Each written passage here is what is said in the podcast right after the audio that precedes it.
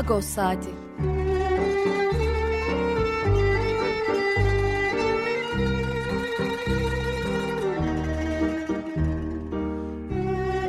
Haftalık Agos gazetesinin penceresinden Türkiye ve Dünya gündemi. Agos'un mutfağından haberler, söyleşiler, olaylar.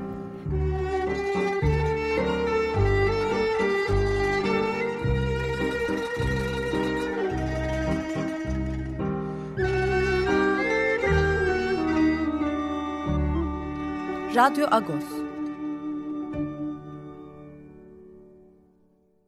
Bohçin Sireli Radyo Ungentroner. Açık Radyo'yu stüdyoyen e, Radyo Agos'u hagortumok tartıyalmaya sinek. E, mezamar nor şapata verşme ahavasik, yer nor şapata verşi hadugal, nütero yer hürerov, mevgesşam miyasin bidi illank. Günaydın sevgili Açık Radyo dinleyicileri. Yeni bir Radyo Agos programıyla bir kez daha karşınızdayız. Ben Pakrat Estukyan. Bu hafta sonunda da yeni bir e, gündemde, yeni konu başlıklarıyla bir buçuk saat sürecek olan yayınımıza başlıyoruz. Bu haftaki yayınımızda ee, geçen hafta da sanıyorum aynı cümleyi kullanmıştım. Ee, halen o deprem ortamından, onun sarsıntısından e, kurtulamadık ve kurtulamamışken üzerine ikinci bir felaket daha yaşadık. Bu kez sel felaketiyle e, deprem bölgesi özellikle de Urfa ve Adıyaman ağır bir darbe yedi bir kez daha can kayıpları oldu. Bu can kayıpları an itibariyle 17'ye ulaştı. Ama halen kayıp olan insanlar var. Sele kapılan ve bulunamayan insanlar var. Korkarım bu sayı e, biraz daha yükselecek. Dediğim gibi deprem felaketi 6 Şubat'tan bu yana gündemimizin başlıca konusu olduğu olmaya devam ediyor. E, bu haftaki programda da gene biz bu çerçevenin e, belli bir oranda ölçüsünde kalacağız. Programın ilk bölümünde e, Sayın Ketrin Köprü ile bir bağlantı kuracağız. Ketrin Köprü e, Arap dilli Ortodoksların özellikle Antakya ve Mersin bölgesinde yaşayan kadim bir toplum olan Arap dilli Ortodoksların e, başka bir ifadeyle e, Rumların e, kurdukları nehna.org e, sitesinin e, çevresinden bir insan, o grubun aktivistlerinden deprem bölgesinde de epeyce bir süre bulundu e, ve bugün de bir etkinlik düzenliyorlar depremin 40'ı başlığıyla. E, biliyorsunuz 40.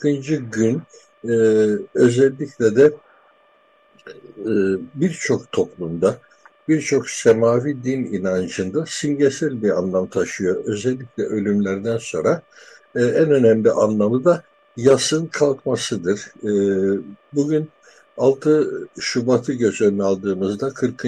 gün anması düzenleniyor. E, İstos Yayın Evi'nin ofisinde, İstos Yayın Evi de e, İstanbul Rumların kurduğu bir e, yayın evi aynen e, İstanbul'da yaşayan Ermenilerin kurduğu Aras yayıncılığın bir benzeri. E, belki de ondan da ilham alarak ve bugüne kadar Türkiye'li okurun çok da aşina olmadığı Rumca yazan, Yunanca yazan yazarları tercümeleriyle büyük topluma tanıtmayı amaçlayan bir yayın evi. Onun ofisinde bugün bir etkinlik düzenlenecek. Bu konunun ayrıntılarını, detaylarını şimdi biz e, Sayın Ketrin Köprü ile e, konuşacağız. Eğer şu anda bağlantılarımız hazırsa, Ketrin Hanım e, mikrofonun diğer ucundaysa e, yayınımıza direkt e, böyle başlayalım. E, bağlantılarımız hazır mıdır? Ketrin Hanım bizi duyuyor mudur acaba? E, evet, duyuyorum ben. Günaydın. Günaydın. E, hepinize öncelikle. Günaydın Bayan Ketrin. Programımıza hoş geldiniz. Ben e, sizle bağlanmadan hemen önce e, çok kısaca bugün e, düzenlenmiş olan, e, gerçekleşecek olan etkinlikten bahsettim. E, onun detaylarını da sizden dinlemek isteyeceğiz ama e, öncesinde e, gene sizden de e, deprem bölgesiyle ilgili gözlemler dinleyebilir miyiz acaba? Biliyorum ki siz depremden sonra e, bir hayli süre oralardaydınız e, gördüklerinizi, tanık olduklarınızı e, bizimle paylaşır mısınız? Ee, tabii ki elbette. Ee, öncelikle ben 6 Şubat depreminde 11'de gerçekleşen e, deprem felaketinde kaybettiğimiz e, canlar için bir başsağlığı dilemek isterim. E, depremin sabahında e, yani deprem haberini bana annem verdi. Çünkü annem e, öyle büyük bir deprem yaşanmış ki e, bunun Türkiye'nin her yerinde e, yaşandığını düşünerek e, dört buçukta beni aradı. Ve e, iyi miyim diye e, merak ettiği için. Tabii o an e, ben ya felaketin büyüklüğünü algılayamadım. Ee, sabaha kadar bekledim. Ee, sonrasında iletişim kurmaya çalıştım ama e, maalesef ki iletişim kurmak çok imkansızdı. Bir anda bütün e, operatörler e, kesildi. Bütün e, yani hiç kimseyle iletişime giremedim. Çok az mesaj yoluyla e, haber alabiliyordum ve e, ertesi yani o sabahında e, bizim Lehna e, ekibinden e, bir arkadaşımla birlikte oraya e, gitmeye karar verdim. Çünkü ailem Samandağ'da e, yaşıyor benim.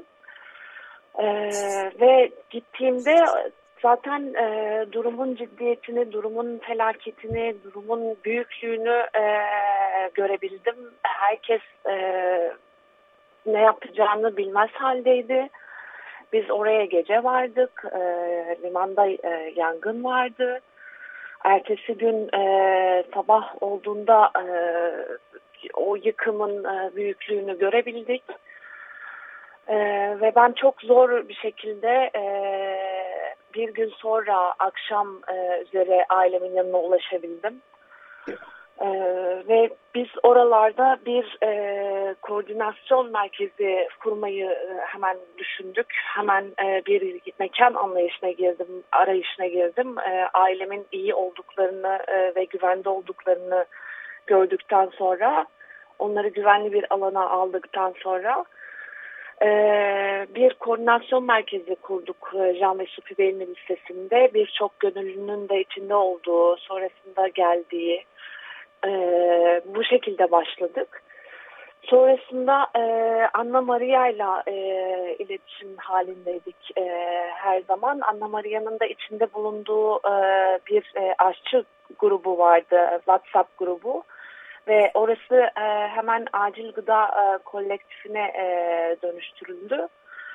E, kendisi de oradan e, gelecek olan e, gönüllü aşçıların olduğunu bize söyledi. E, İskenderun'da bunu kurmayı başardık hemen ertesi günü. E, Michel Uyar bunu yaptı. E, sonrasında biz de nereye, Samandağ'da nereye kurabiliriz düşündük. E, mekan arayışına girdik.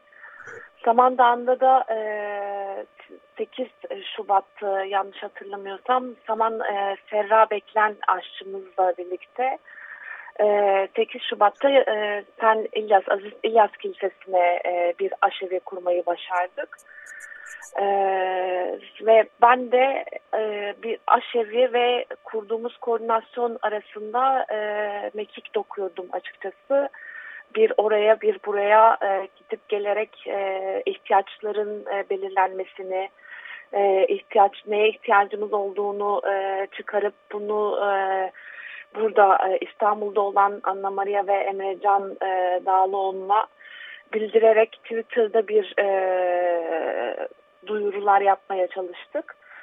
Ve e, gerçekten büyük bir e, destek aldık. E, herkesten, e, yani herkese çok teşekkür etmek isterim buradan. E, ihtiyaçlarımızın büyük bir çoğunluğunu karşılayabildik ama e, ihtiyaçlar her zaman değişkenlik gösterdi. Her zaman e, değişti ve bu, bu değişen ihtiyaçları karşılamak e, çok yani bizim e, tek başımıza e, gönül sadece gönüllülerle olacak gibi değildi. Ee, çok yani çok fazla yığılmalar oldu ilk etapta. Çok fazla tır geldi, çok fazla e, ama bu tırları indirecek insan yoktu. E, bu tırlar sadece şoförlerle geliyordu e, ve orada depremzedeler e, bize yardımcı oldu.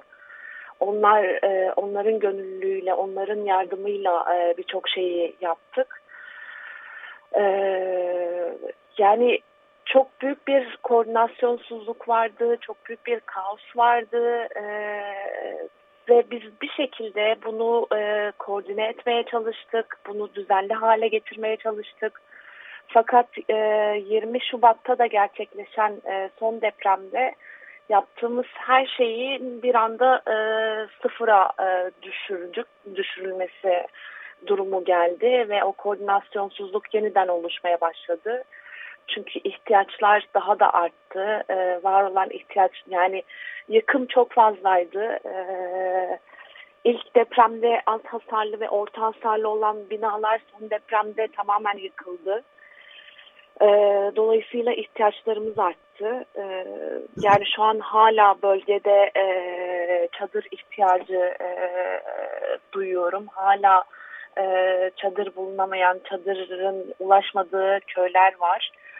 Ve artık çadırdan e, konteynera geçilmesi gerekirken biz hala çadır arayışındayız. Ee, siz Samandağ merkezde miydiniz yoksa Zeytuniye köyünde miydiniz? Ee, Aziz İlyas Kilisesi e, nerededir? Köyündeydim çünkü kilise Zeytuniye köyünde Cemal Gürsel mahallesinde e, ve biz e, yani kilisemiz de orada e, kurduğumuz koordinasyon merkezi de e, o Zeyt, şey Zeytinliğe mahallesinde Can ve Sukübeyli Lisesi. Ben e, oralardaydım daha çok. Ama e, dediğim gibi köylere de gittik. E, köylere de bir takım yardımlar ulaştırdık. Çünkü e, araç sıkıntısı yaşıyorduk. E, mazot sıkıntısı yaşıyorduk. Ee, özellikle mazot sıkıntısını ilk 15-20 gün boyunca e, sıralara girerek e, kısıtlı bir şekilde e, uzun kuyruklara girerek e, ücret ödeyerek e, karşılamaya başlamıştık bir e, bir hafta sonra.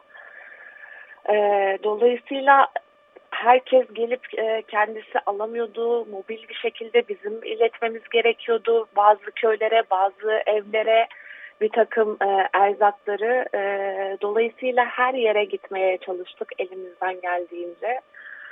Ee, ama tabii ki eksik olan, eksik bırak, bıraktığımız belki de e, yerler olmuştur. E, ben buna inanıyorum. Çünkü çok fazla e, yıkım var ve dediğim gibi çok fazla ihtiyaçlar değişkenlik gösteriyor. E, şu anda da e, artık başka bir e, ihtiyaca doğru gidiyoruz e, bu 40. gününde. E, baharın ya iç çamaşırı ihtiyaç ihtiyacı mesela bundan 10 gün sonra yani depremden 10 gün sonra iç çamaşırları gelmeye başladı duyurularımızla birlikte. Ee, hijyen malzemeleri, hijyen malzemeleri e, yani insanlar dışarılarda yattığı için tuvaletler yani Salandan sadece bir anlamda biraz e, daha belki şanslı diyebilirim. E, oradaki evlerin e, çarşı merkezi için konuşmuyorum. Ama e, birçoğu bahçeli evler olduğu için e, çok e, az hasar, hasarlı olan evlere insanlar girebiliyordu. Orta hasarlı evlere girebiliyordu ve bir takım ihtiyaçlarını sağlayabiliyordu. E, sadece yatmadan yatmaya insanlar çadırlara e, iniyordu. E, dolayısıyla... Ama günü de dışarıda geçiriyordu herhalde. Yani ev içinde gün geçmiyordu muhtemelen. Eve girip Yok, çıkmalardan söz Dışarıda yani kapı önlerinde e, evet. hayat kapı önlerinde ve dışarıda bahçelerde geçiyordu. Sadece ihtiyaçlar için, e, tuvalet ihtiyacı için, e, mutfaktan bir şey alınması için e, insanlar büyük bir korkuyla içeri girip çıkıyordu. Yani e, kapılar açık bırakılıyordu. Birileri nöbette duruyordu. E, çünkü artçılar çok sık bir şekilde devam ediyordu. Hala da devam ediyor. Ee, her gün ailemle görüşüyorum. Hala büyük oranda artçılar var bölgede. Ee, ve büyük bir korku var, ee, büyük bir endişe var hala hepimizde, hepimiz yani e, bundan sonra ne olacak, nasıl düzelecek? e, nasıl toparlayacağımızın e, büyük bir endişesi ve korkusu var. E, Samandağ merkez zaten benim e, Türkiye'de birçok yerde bulundum, birçok yer gördüm. E, merkez Evet. itibarıyla söylüyorum, köyler itibarıyla değil. Çarpık kentleşmenin çok somut gözlemlendiği bir yerdi Samandağ merkez. E, Aynen öyle. Evet. Yani e, sadece Samandağ merkezde büyük bir park alanı vardı ve e, yani o park alanına e, birçok yani e, koordinasyon merkezi kuruldu. E, ve onun dışında merkezde kurulabilecek herhangi bir e, alan yok.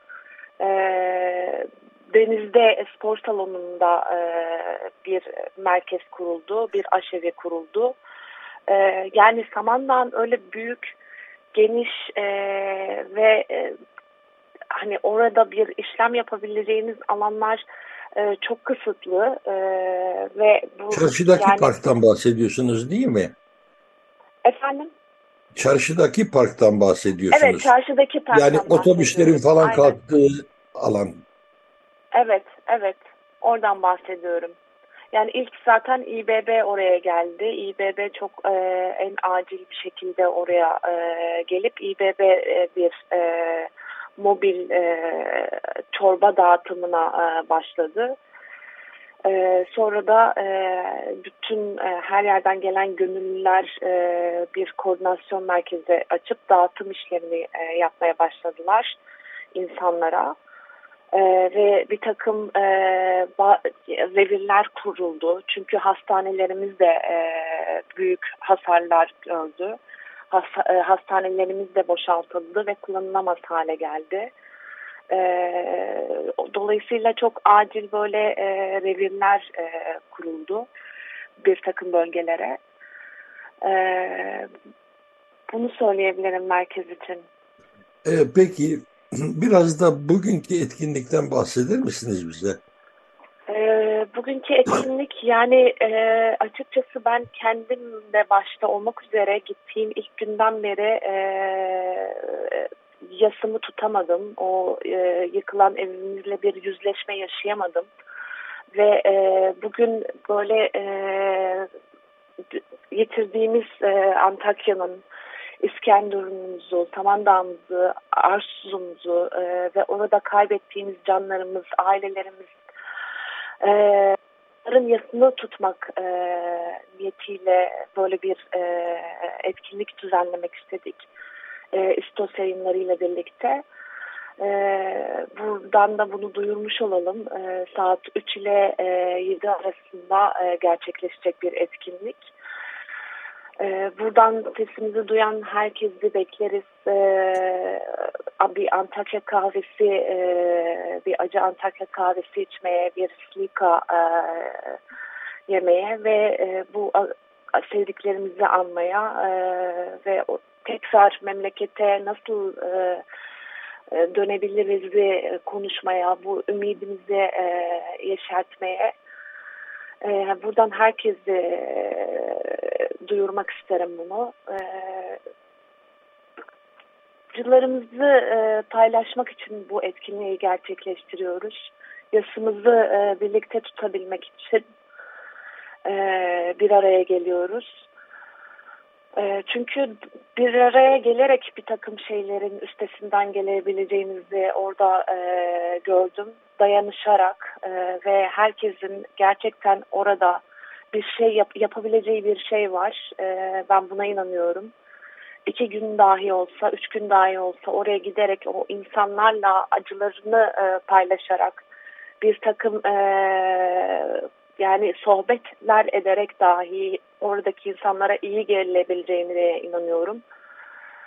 E, dolayısıyla Antakya'yı, Samandağ'ını, İskenderun'u, e, Altınözü'nü e, yalnız bırakmayalım. Yani e, hepimiz e, elimizden geldiğince oralara gidip e, bir şeyler yapabiliriz. E, şimdi etkinliğin e, koordinatlarını da verelim. Haslun Galip Sokak, Pembe Çıkmazı, numara Evet. 4, daire 6 Daire değil mi? İstos Ofis. Doğru evet, mu bu adres bilgisi?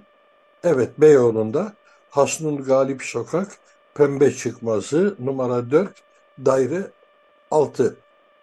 İstos ofis olarak e, belirtilmişti adres. Biz bunun Ağustos çağrısında yaptık, duyurusunda yaptık bu haftaki Ağustos'ta.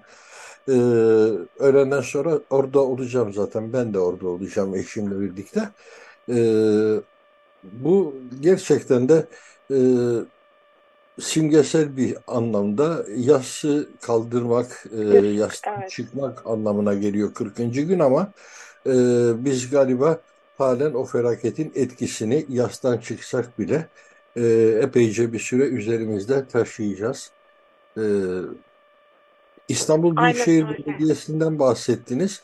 E, ona ben de tanıklık ediyorum çünkü burada İstanbul'da faaliyet gösteren Merhayır inisiyatifi var. Onlar da e, Büyükşehir Belediyesi ile koordinasyon halinde çalışıyorlar ve e, daha çok da Sen İlyas Kilisesi'nin civarında e, onlar da konuşlanmış durumda. En son su tedariki sağlamışlardı. Onu hatırlıyorum. Buradan e, tanke e, şeyle e, tırlarla su gönderdiler oraya ve oradan dağıtım yaptılar.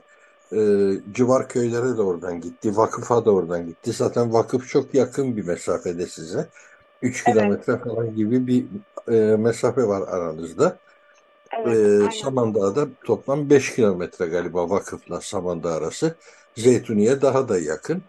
E, Zeytuniye göç verdi mi bu esnada?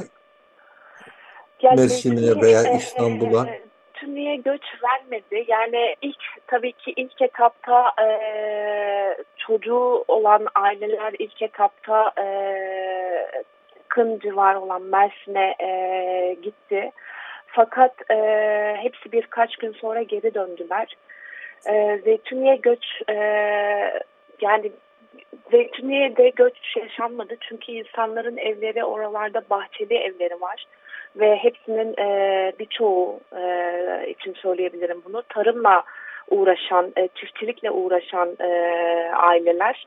Dolayısıyla birçoğunun da depoları e, enkaz altında kaldı, e, mallarını yitirdiler, e, depolamış oldukları e, narenciyelerini yitirdiler ve, ve bu yüzden yani bahçelerine sahip çıkma, mallarına sahip çıkma, e, topraklarına sahip çıkma amaçlı e, Zeytinli'ye göç vermedi diyebilirim e, büyük oranda. E, hepsi e, bahçelerinde çadırlarını kurup e, orada e, kaldılar ve e, kalmaya da devam edecekler. E, dolayısıyla Samandağ'dan öyle büyük bir göç e, yaşandı diyemem. E, bu soruyu özellikle vakıfı göz önünde bulundurarak söyledim. Sizin de belirttiğiniz gibi özellikle okul çağında çocuğu olan insanlar, e, kadınlar ama sadece kadınlar. Evet sadece e, kadınlar, aynen öyle. Büyük şehirlere geldiler. Yani İstanbul'a gelenler oldu biliyorum. E, çocuklar okulsuz kalmasınlar diye. Orada hayat bir süre normale dönemeyecek çünkü. Ama erkekler tabii orada kaldılar. Sizin de anlattığınız e, sebeplerle herkes bahçesine, malına, evine halen bekçilik yapmak zorunda da hissediyor. E, büyük geçmiş olsun diyeceğiz bu yaşananlar için. Bütün Türkiye'ye büyük geçmiş olsun. Çünkü e, doğru deprem öncelikle 11 ilimizi vurdu. 11 ilde yaşayan insanlar çok ağır mağduriyet yaşadılar ama e, 40 günden beri bütün Türkiye'nin de ruh hali o 11 vilayetle, orada yaşayan insanlarla bir bütünleşme içerisinde. E, bu deprem vesilesiyle biz gerçekten de Türkiye'de dayanışma kültürünün nasıl e, büyük bir potansiyel taşıdığına da tanık olduk. Evet bunun arasında hırsızlık vakalarını da gördük, talan e, girişimlerini de gördük, her türlü e, ne bileyim ben e, insana özgü her türlü melaneti görürken her türlü yüceliği de e, gözlemledik. E, herkes yapabileceğini yapmak için oraya koştu. Biraz önce siz mesela şeflerden bahsettiniz, aşçılardan.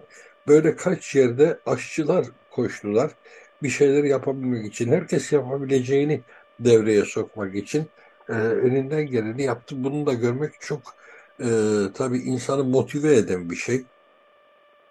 Ama ne diyelim bu felaketler inşallah uzak olsun. Uzak inşallah. olsun demekle uzak olmuyor ama hazırlıklı olmak en önemli şey. Belli ki bu depreme hazırlıksız yakalandık. Sonrasında gelen sel felaketi de aynı şeyi ifade ediyor bize. Orada da beceremedik. Yani e, ala yuvalayla açılan o e, alt geçit değil mi e, ne hale geldi Urfa'da ve bir sürü can aldı. Depremden kaçıp Urfa'ya sığınan Urfa, Suriyeli evet. bir aile beş kişi bir bodrum katında boğularak öldüler sel felaketinde. O alt geçitte de canlar kaybedildi. Sonuçta an itibarıyla 17 e, kayıptan bahsediliyor ama programın girişinde de söylemiştim. Sanırım halen kayıp olanlar var ve onlar ortaya çıktıkça bu sayı biraz daha yükselecek. Ee, Sayın Ketrin çok teşekkür ediyorum programımıza ben katıldığınız için. Ee, akşamüstü yani öğlenden sonra görüşmek üzere diyelim. Görüşmek üzere. Veda edelim size tekrar teşekkürlerimizle. Ee, sevgili Açık Radyo dinleyicileri şimdi kısa bir müzik arası vereceğiz. Sonrasında da e, Yetvar Danzikyan'la sohbetimizi sürdüreceğiz. Radyo Agos Yayınımızın bu bölümünde e, sevgili Agos Genel Yayın Yönetmeni Yetvart Danzikyan'la beraberiz. E, günaydın Yetvart, Parlıyız, hoş geldin yayınımıza. Günaydın Pakrat abi, Parlıyız, hoş bulduk. E, Yetvart, biz e, programın ilk bölümünde e, Sayın Ketrin Köprü ile e, deprem temasında konuştuk ve özellikle de e, bugün saat 3'te 7 arasında e, Beyoğlu'nda Hasnun Galip Sokak e, Pembe Çıkmazı numara 4 daire 6 adresinde gerçekleşecek 40. gün anmasını e, konuştuk. Bunu anons ettik. E, şimdi e, bu bölümde ise e, gene içinde olduğumuz artık 60 gün, 60 günden de az kaldı. Gitgide yaklaşıyoruz. E, Cumhurbaşkanlığı ve milletvekilliği seçimleri var.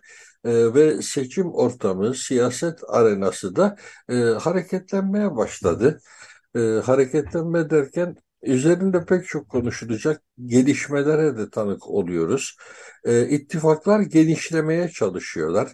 Yeni ittifaklar oluşuyor. Şu an itibarıyla dördün üzerinde galiba Cumhurbaşkanı adayı şekillenmiş oldu. 4-5 Cumhurbaşkanı adayımız var. Ee, önümüzdeki 60 günde bu nereye evrilir, ne olur? Bir yandan kamuoyu araştırmaları yayınlanıyor. Bu kamuoyu araştırmaları da bir şeyler ifade ediyor şüphesiz ki. Ee, bütün bunlara dair konuşalım. Ne dersin bu bölümde? Olur elbette.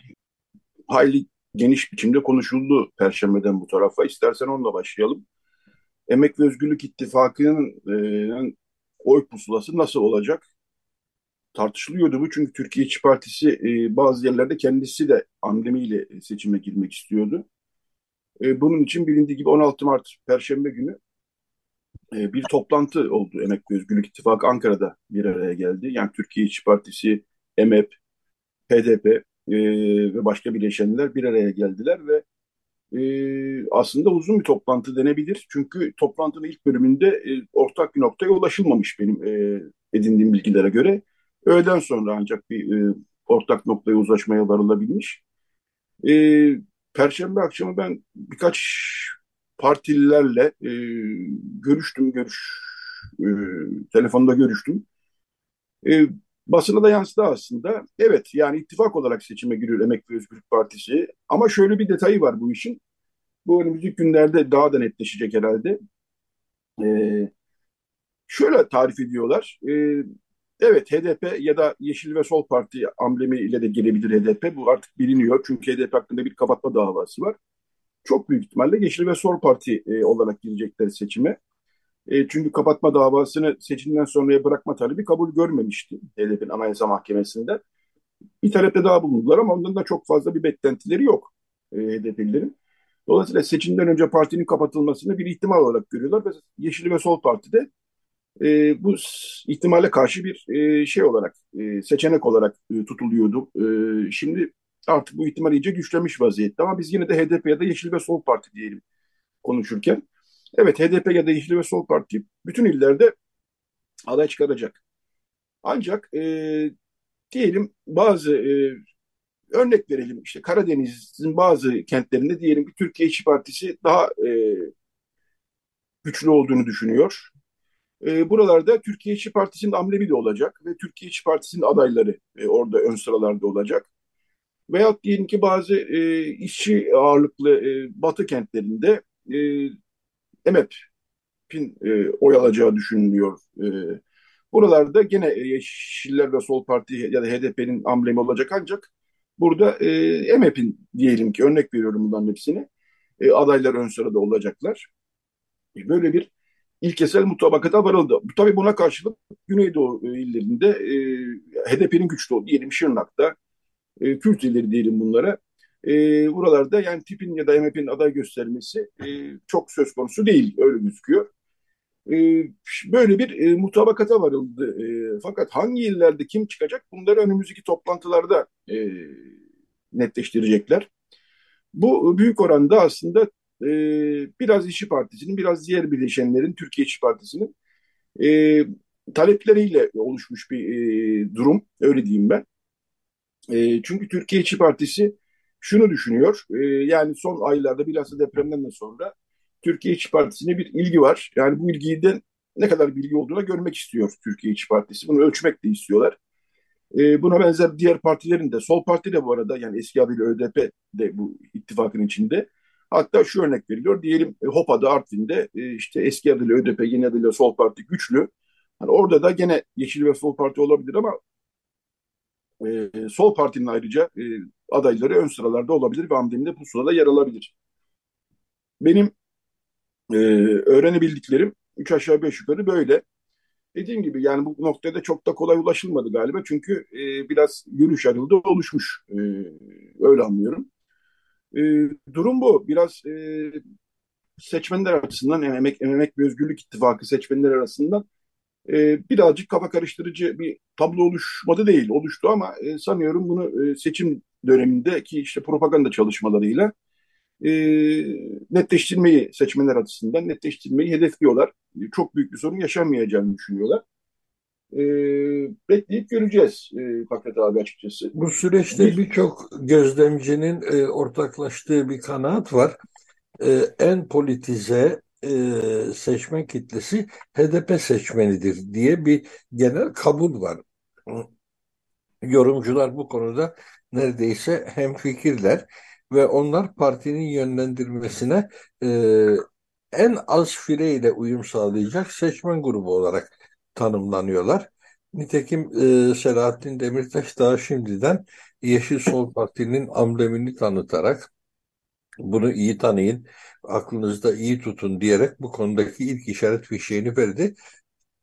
E, haklısın herhalde önümüzdeki 60 gün içerisinde seçmen bu tanışıklığa yönlendirilebilecektir HDP seçmeni. Ama e, gene de HDP'nin yasaklanma riskiyle karşı karşıya olması Türkiye'de durumun ne kadar vahim bir hal aldığını gösteriyor. Özellikle de HDP'ye yönelik e, yıpratmanın, HDP'ye yönelik sabotajın ne kadar ağır bir e, bedel ödettiğini gösteriyor. Zaten HDP şu anda binlerce e, siyasetçisi, e, üyesi cezaevinde olan bir parti. E, bu da daha önce çok sık dile getirildi. Aynı durum Türkiye'de herhangi bir parti için söz konusu olsaydı ortada parti falan kalmazdı e, ifadesi de e, çok sık dile getirildi. E, şu anda HDP'de siyaset yapan birçok il, ilçe, e, örgüt e, üyesi cezaevinde. E, bu da ağır bir yük ama e, bütün bunların arasında e, gereken hazırlıkları yapıp bu seçime e, olabilecek en e, efektif şekilde katılmanın e, ağır çabası var, ağır mücadelesi var bugünlerde. E, ittifaklardan da biraz bahsetmek gerekir galiba e, Yetvar. Çünkü e, Cumhur İttifakı da e, bileşenlerini artırma çabası içerisinde e, farklı partilerle temaslar kuruyorlar. Aynısını Millet İttifakı da yapıyor. E, bunlara dair neler söyleyebiliriz acaba? Şu Hüdapar meselesi mesela çok tartışılıyor. evet Özellikle Hüdapar'ın Hizbullah bağlantısı, Hizbullah'ın siyasi temsili olduğu tespitinden yola çıkılarak çok yorumlar yapılıyor. Ee, bunun toplumsal tabanı nedir? Özellikle Kürt coğrafyasında, Kürtlerin yoğun yaşadığı şehirlerde e, bunun toplumsal e, mesnedi nedir? E, bütün bunlara dair de bir şeyler konuşabilir miyiz? elbette ben yani tabii e, Hüdapar'ın e, Kürt illerinde Güneydoğu'daki toplumsal taban hakkında bir uzman değilim ama şu açık yani AKP e, e, de e, seçimin çok zor geçeceğini kendi açısından artık biliyor, görüyor. Ve e, bu e, altılı masa e, ya karşı kendisi de ittifakını genişletmek, yani AKP MHP'de sınırlı kalan bir ittifakın e, %50'nin üzerine çıkamayacağını artık onlar da, yani çıkmasının zor olduğunu daha doğrusu öyle diyelim.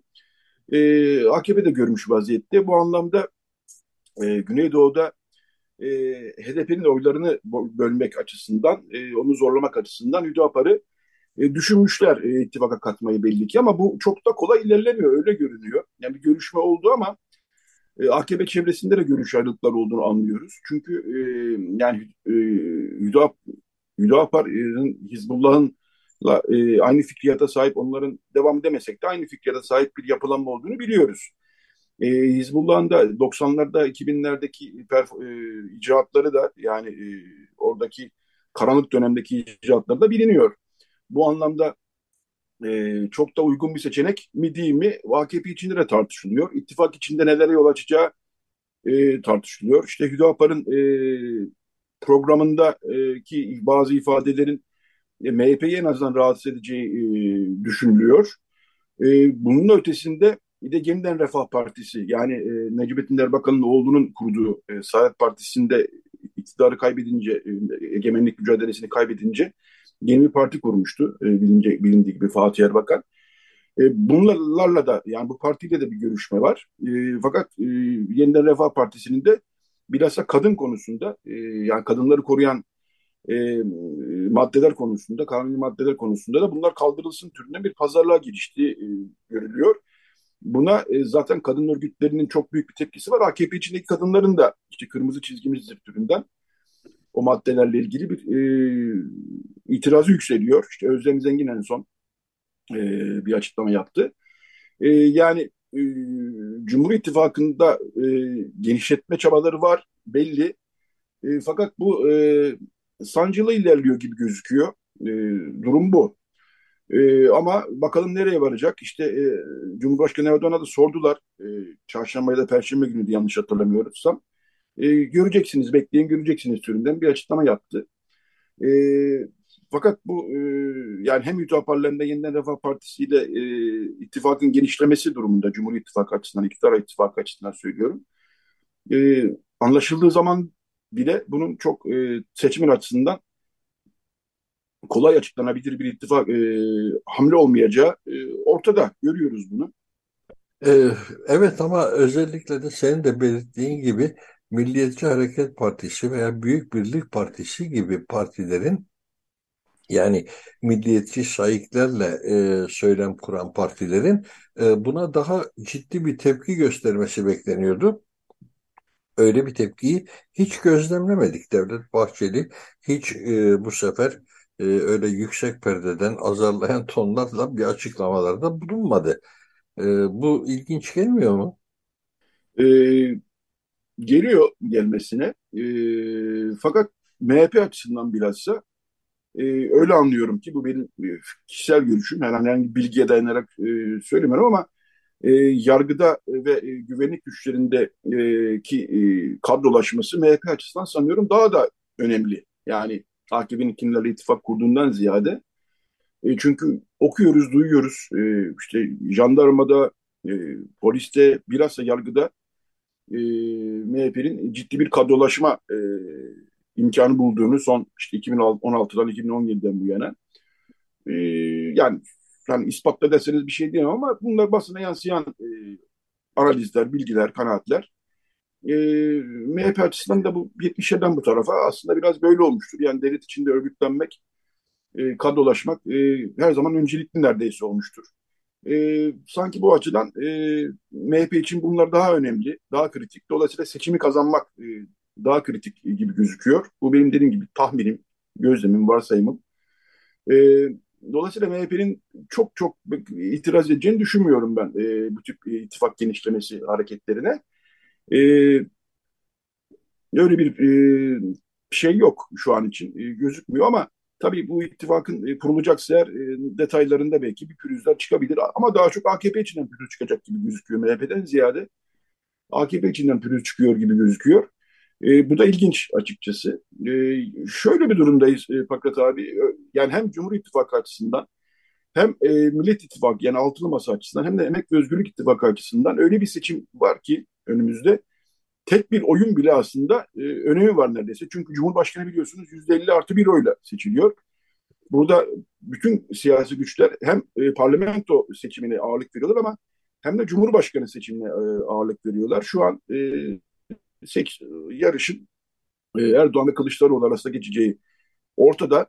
E, burada hakikaten e, tek bir oy bile önemli. Yüzde elli artı biri yakalamak için. Hiç olmazsa ilk turda, ikinci tura bırakmadan.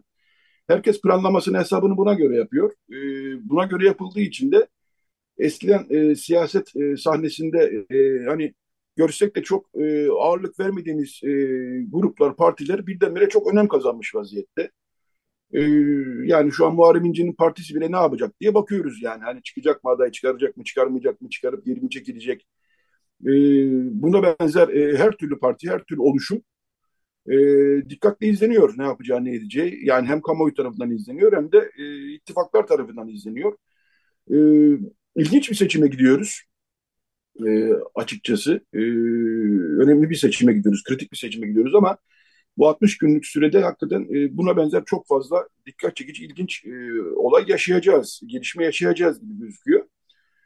E, bilmiyorum reklam aramız geldi galiba yaklaştı herhalde. E, Ermeni toplumunu da tabii e, gelişmeler var, kritik, önemli gelişmeler var. Onları da konuşuruz diye e, konuşmuştuk e, yayından önce sende.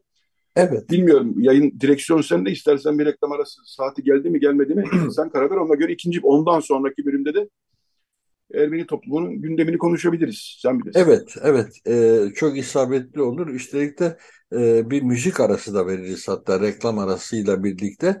E, dinleyicilerimiz de bir soluklansınlar. Biz de e, müzik de çalabilirim. Çünkü sen de e, bu programı sunarken hep söylüyorsun müzikli bir programdır Radyo Agos diye.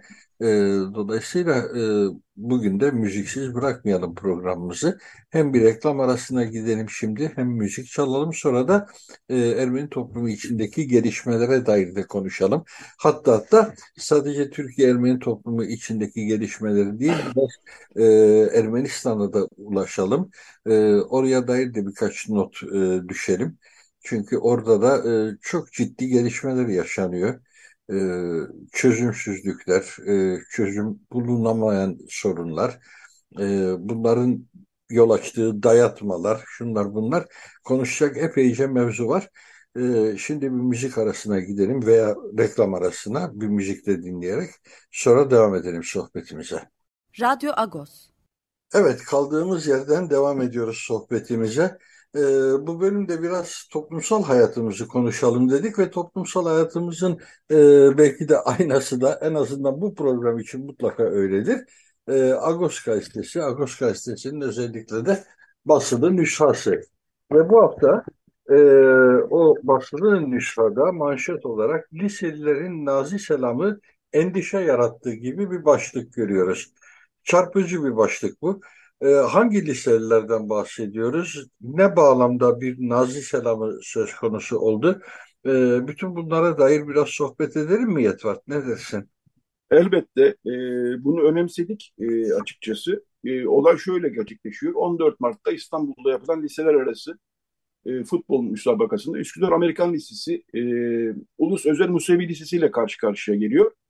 Üsküdar Amerikan Lisesi e, takımı, futbol takımı oyuncuları gol attıktan sonra e, Nazi selamı veriyorlar. Yani e, dikkatini çekerim.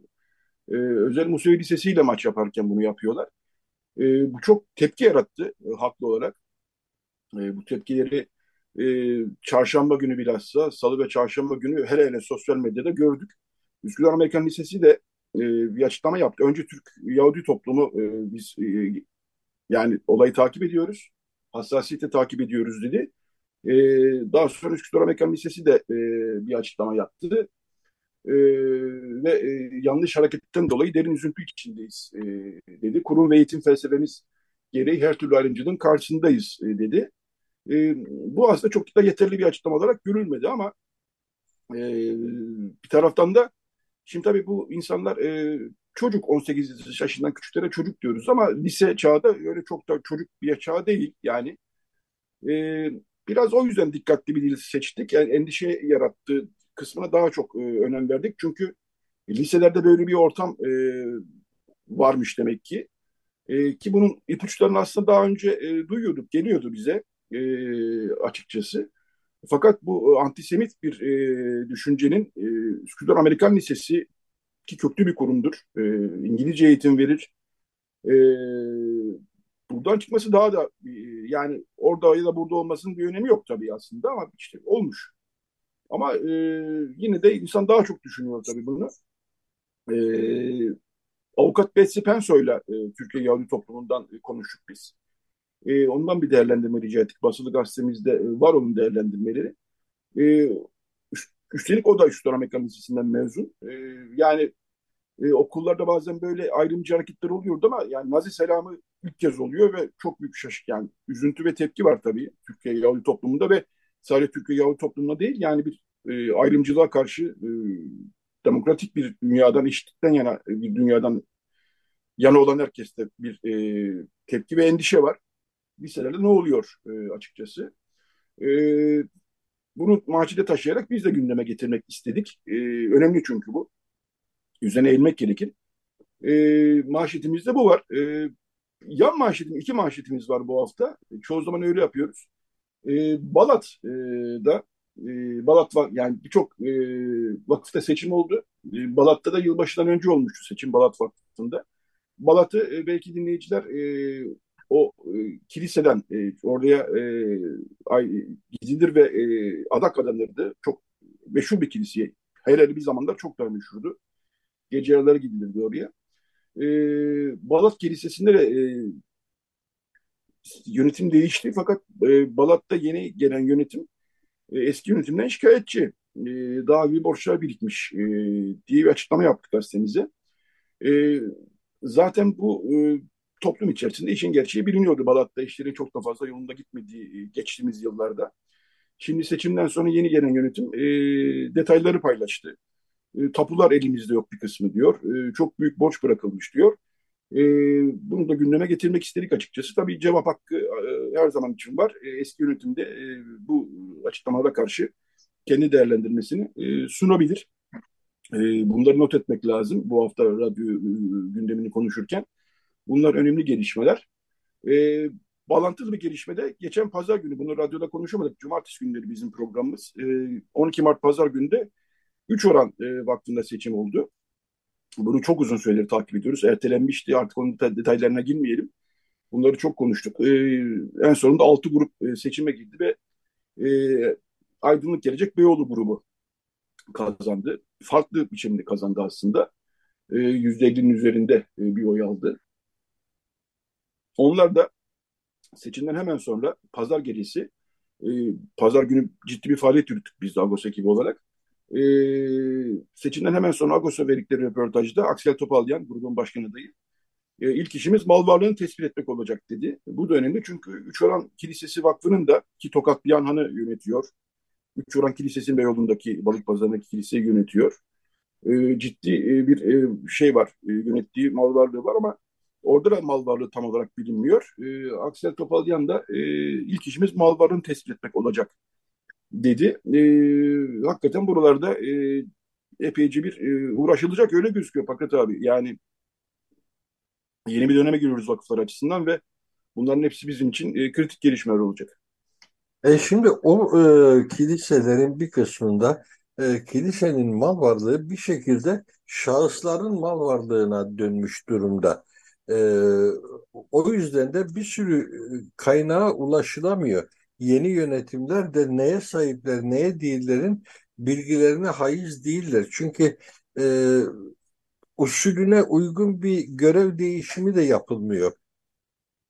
E, insanlar bir, bir, öyle bir kutuplaşmanın içerisinde bu seçimlere gidiyorlar ki e, seçimi kaybeden taraf eski yönetimi temsil eden insanlar doğru bilgi aktarmıyorlar yeni gelenlere.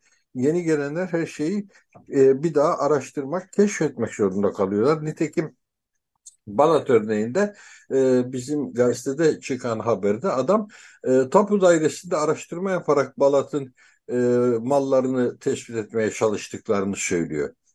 E, çok ilginç geldi. Yani yönetim demiyor ki bizim şuyumuz var, buyumuz var, buranın gelirleri şunlardır, e, vakıfları şunlardır, şundan kira alıyoruz, şundan alamıyoruz, şu kiraya verilemeyecek kadar e, yıpranmış bir yapı, e, burada şuna ihtiyaç var, burada buna böyle bir bilgi aktarımı olmuyor. E, bırakıp gidiyorlar bir anlamda. E, yeni gelen de devasa borçlarla karşılaşabiliyor. Balat'ta demin sen de belirttin ciddi bir borç yüküyle karşılaştı yeni gelen yönetim. E, bu borçların bir kısmı da devlete yönelik. Ödenmemiş vergiler var, şunlar var, bunlar var. E, hepsinin altından kalkmaya çalışacaklar. Ama nasıl olacak? O Balat seçimi bundan önceki seçim de son derece şaibeliydi. Ee, orada göz göre göre çalınmış bir seçimden söz etmek mümkün.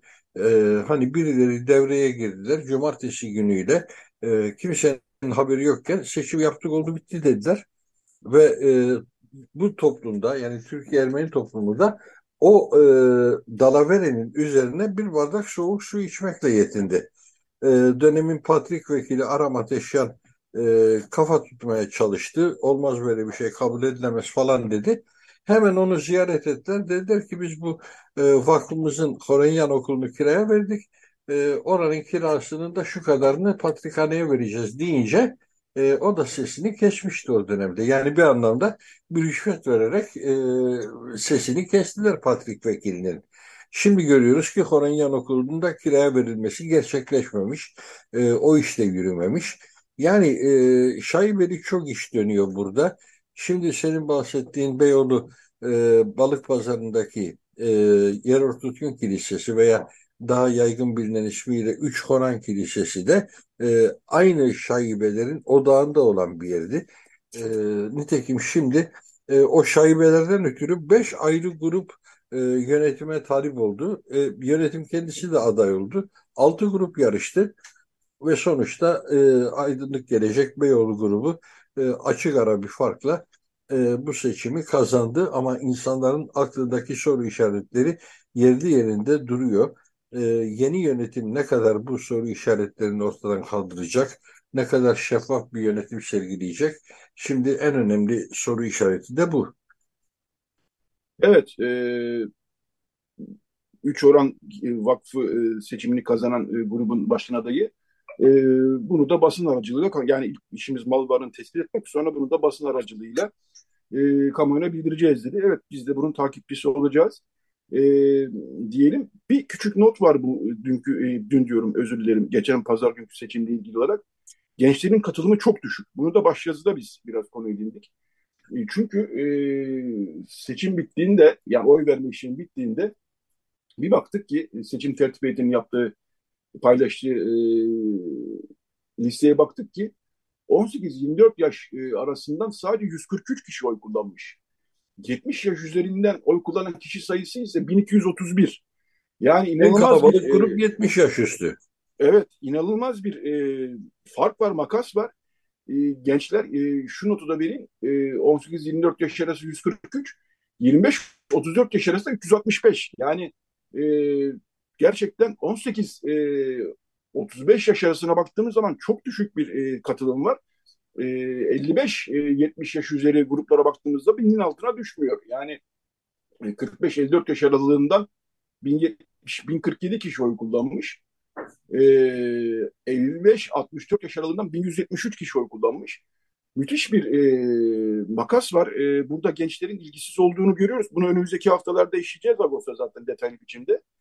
E, benim ve bizim düşüncemiz tabii bunu çok da gençleri böyle azarlamadan, parmak sallamadan e, ama ne olduğunu anlamaya çalışarak ortaya koymak. Çünkü gençler yani bu toplumun geleceği. Evet 70 yaş üzerinin 55 yaş üzerinin e, vakıflara sahip çıkması, kültür mirasına, toplum mirasına sahip çıkması sevindirici ancak e, geleceğimizi de gençlerle inşa edeceğiz. E, bu konuda e, belli ki bir çalışma yürütmemiz gerekiyor. E, benim dikkatimi çeken şuydu, e, şu oldu daha doğrusu. E, her seçimden önce yani başka vakıf seçimlerinden de önce bütün gruplar e, şunu söylüyorlardı. Gençlere odaklanacağız, gençlere işte burs vereceğiz, şunu yapacağız, bunu yapacağız, gençler bizim işte fakat sanıyorum bu argümanlar çok gençler e, nezdinde pek karşılık bulmuyor. Belki bu e, çekişme gerilim ortamı da gençleri yoruyor olabilir, bilemiyorum. E, ama e, bu konuyu çözmemiz lazım toplum olarak. Bu bizim önümüzdeki ciddi vazifelerden bir tanesi ve e, yaparız ederiz filan diye savsaklamayıp işte kurumlarıyla, gazeteleriyle, patrikhanesiyle artık kim olacaksa e, çok böyle hani bilmişik taslamadan e, onlarla konuşmamız gerekir diye düşünüyorum. Sen ne dersin bilmiyorum. E, burada tabii toplumun e, genel temayülü e, bu işin e, bu sonuca gelmesine yol açıyor. Çünkü bizler toplum olarak genç derken e, itaat eden genç e, modelini tercih etmişizdir. Oldum olası e, büyüklerine karşı saygılı duran, fazla talepkar olmayan, e, konuşmak yerine dinlemeyi tercih eden, e, saygılı, terbiyeli, tırnak içinde diyorum bu terbiyeli ifadesini tabii, e, gençler görmeyi tercih etmişizdir. Onları görünce onları vitrine koymayı da sevmişizdir. Ama devamı yoktur bu işin. E, gençlerin topluma entegre olabilecekleri kurumlar e, işlevsizleştiği zaman içerisinde şu geçtiğimiz 2-3-10 yıl boyunca özellikle derneklerin aşama aşama nasıl işlevsizleştirildiğine tanık olduk. Oysa gençlerin toplumsal yaşama katılmalarında çok önemli bir aşamaydı dernekler. Ee, okul mezunlarının kurduğu dernekler. Ee, oralarda zaten bir örgütsel ilişkiler terbiyesi, e, anlayışı, kültürü şekillenirdi. Şimdi artık bundan e, mahrumuz e, yakın geçmişimize baktığımızda orada nasıl bir aktivite olduğunu e, ve o aktivitenin de sonuçta toplum yaşamına nasıl yansıdığını e, gözlemlemek mümkündü. E, bugün Türkiye'de genel olarak gençlerin bir hayal kırıklığı var. Genel olarak bütün Türkiye genelinde e, memleketten kaçmayı ilk hedef haline getirmiş bir gençlik var. Belki Ermeni gençliğinde bundan muaf tutmamak gerekir. Ermeni gençliği de memleketteki bu genel e, ortamdan e, etkileniyorlar. E, na, nasıldı o askeri bir terminoloji olarak subliminal e, mesajlar gençler tarafından çok çabuk algılanıyor e, ve e, ona uygun da davranış gösteriliyor. Değişmeyen, değişmemesi e, gelenek haline gelmiş bir yapıda artık e, fikir üretmenin anlamsızlığına kanaat getirmiş olsalar gerek gençler. İlgisizliği ben bununla yorumluyorum. Gençleri tabii ki suçlamıyorum bunun için. Bunun için mevcut düzeni suçlamak lazım. Evet katılıyorum. Ee, yani bence de bir 10 yıl boyunca vakıf seçimlerinin olmaması bir etken. Yani gençler hiç böyle bir şey bilmeyen bir kuşak geldi vakıf seçimi nedir falan gibi. E, ikinci bir etken e, vakıf seçimlerinin yapılmaması için e, yürütülen ayak oyunları e, ya da iktidarı bırakmamak için yürütülen ayak oyunları e, diye gözlüyorum. Ve senin dediğin gibi e, üçüncü bir etken de gençlerde ortak bir dil kurulmuyor, kurulamıyor. E, bunun, bunu hakikaten kurmak zorundayız. Yani başka çaremiz yok. Evet e, sadece Ermeni gençleri Türkiye'de birçok genç Türkiye'yi terk etmeyi düşündü, düşünüyor. E, azınlık çoğunluk diye ayırmıyorum ben burada. Hani kimi görsek yani doktorlardan her sürekli bu haberleri okuyorum. Birçok e, tıp mezunu yurt dışında artık e, çare arıyor. E, böyle bir sıkıntımız da var ülke olarak. Bilmiyorum seçimden sonra bu ortam değişir mi? E, bunun üzerine çok düşünmemiz gerekir. Benim düşüncem bu. E, çünkü bu kurumlar e, onlar yürütecekler, onlar ilerletecekler 20 yıl sonra, 30 yıl sonra. E, dolayısıyla biz e, gazetede ve Radyo Agos'ta bu konuyu önümüzdeki haftalarda işleyeceğiz. E, gençlere tabii ki soracağız. Yani kendi kendimize fikir yürütmeyeceğiz. Onlara soracağız ve e, bu konuya kafa yormak için ne gerekiyorsa toplum olarak yapılmasını da takip edeceğiz. E, sanıyorum son dakikalara geldik Fakat abi bilmiyorum. Sen bir şeyler var mı gündemde? Var galiba. E, muhakkak konuşacağımız çok şey vardır Yetvat. Yani e, hem memleket bağlamında çok şey var konuşacağımız. E, ben şeyden de biraz bahsetmek istiyorum. E, sınırlarımızın dışında, Türkiye sınırlarının dışında dünyada da çok enteresan şeyler oluyor. Ama bir de şeye fokuslanalım istersen birkaç dakika hiç değilse. Ermenistan-Azerbaycan gerilimine artık çatışma demiyoruz, gerilim diyoruz. Gerçi bu gerilim zaman zaman çatışmalara, can kayıplarına yol açan çatışmalara sahne olsa da e, yoğun bir gerilim var, siyasi bir gerilim var. Bu siyasi gerilimde e, Azerbaycan, İlham Aliyev'in Cumhurbaşkanı olduğu Azerbaycan, e, Ermenistan'dan daha fazla taviz koparmak için yoğun bir baskı ve tehdit politikası sürdürüyor. Bunu yaparken tabii ki Türkiye'nin desteğine de mazhar. E, Türkiye her halükarda illa Zangezur koridoru ısrarında Azerbaycan'ın yanında duruyor. Oysa Zangezur koridoru Ermenistan'ın bağımsızlığına yönelik bir talep. Bağımsız bir devletin topraklarından geçecek bir e, geçiş e, hakkı istiyorlar. Nahçıvan'ı Azerbaycan'a doğrudan bağlayacak bir koridor talep ediliyor. Bu koridor aynı zamanda Ermenistan'ın İran sınırını da tehdit ediyor ve İran da bundan rahatsız. E, bu rahatsızlık sonunda bir İran-Azerbaycan gerilimine de yol açıyor. E, şimdi de Aras Nehri'nin hemen kıyısında bir İsrail tesisinin kurulması da Azerbaycan'da fevkalade e, sakıncalı bir gelişme olarak görülüyor. Orada insansız hava araçları üreten bir tesis kuruluyor bir İsrail yatırımı olarak e, Azerbaycan'da. Şu sıra İsrail-Azerbaycan ilişkileri de çok çarpıcı. Ee, tabii ki biliyoruz ki İsrail'in Azerbaycan'a yakınlaşmasının e, arka planında İran'ı zora sokma çabaları var. Ee, İran'ın demografik yapısında da çünkü zaaf diye kabul edilebilecek noktalar olabilir. Ee, İran'ın kuzeyi bütünüyle Azerilerle e, yoğun bir nüfusla e, meşgul, e, meskun e, ve yıllar öncesinde Ebulfez Elçi Bey e, bunu açık açık da dile getirdi. Eğer biz dedi e, Güney Azerbaycan'la birleşirsek esas siz o zaman görün bizim gücümüzü diye bir meydan okumada bulunmuştu. E, Elçi Bey'in bazı doğru tespitleri vardı ama bunlar zamanın e, politik e, ortamına uygun düşmediği için Elçi Bey ötelendi. Kendi ülkesi içerisinde de ötelendi. E, hatta o dönemde e, Azerbaycan iç siyasetinde Türkiye'nin Tansu Çiller hükümeti e, yönetimindeki Türkiye'nin müdahil olma, içeride darbe organize etme gibi e, mevzuları da gündeme geldi. Bunlar ne yazık ki e, çok fazla dillendirilmeyen, üstü ustaca örtülen bir şey. Belli bir devlet politikası sonucunda bu işler e, gözlerden uzak tutulabiliyorlar ama e, Türkiye'nin kimi hesapları, kimi devlet hesapları daha doğrusu e, orada halen çok ciddi bir gerilim alanı oluşmasına yol açıyor. O gerilimin e, aşılmasının en önemli etkeni normalleşme süreci olabilir. Bu normalleşmeye de bir türlü e, gidilemiyor. En son iki tane temsilcinin e, Serdar Kılıç ve Ruben Rubinyan'ın temaslarından da e, somut bir adım elde edilemedi. Tabii ki edilebilirdi. Bu onların kifayetsizliğinden değil, arkalarındaki hükümetlerin rezervlerinden ötürü ileri bir adım atılamıyor. Bunlara da değinmek istediğimiz programın sonlarında. Evet, program bitti galiba bilmiyorum. Evet programımızın sonuna geldik artık Yetvar. Eğer zamanımız varsa rejim masamızda Berhem Beltaş bize yardımcı oldu bugün. Teşekkür ediyoruz kendisine. Bir müzikle veda edebilirsek ne güzel olur. Edemezsek de önümüzdeki hafta programımızı gene aynı saatte e, sürdüreceğiz. Dinleyicilerimizle buluşacağız.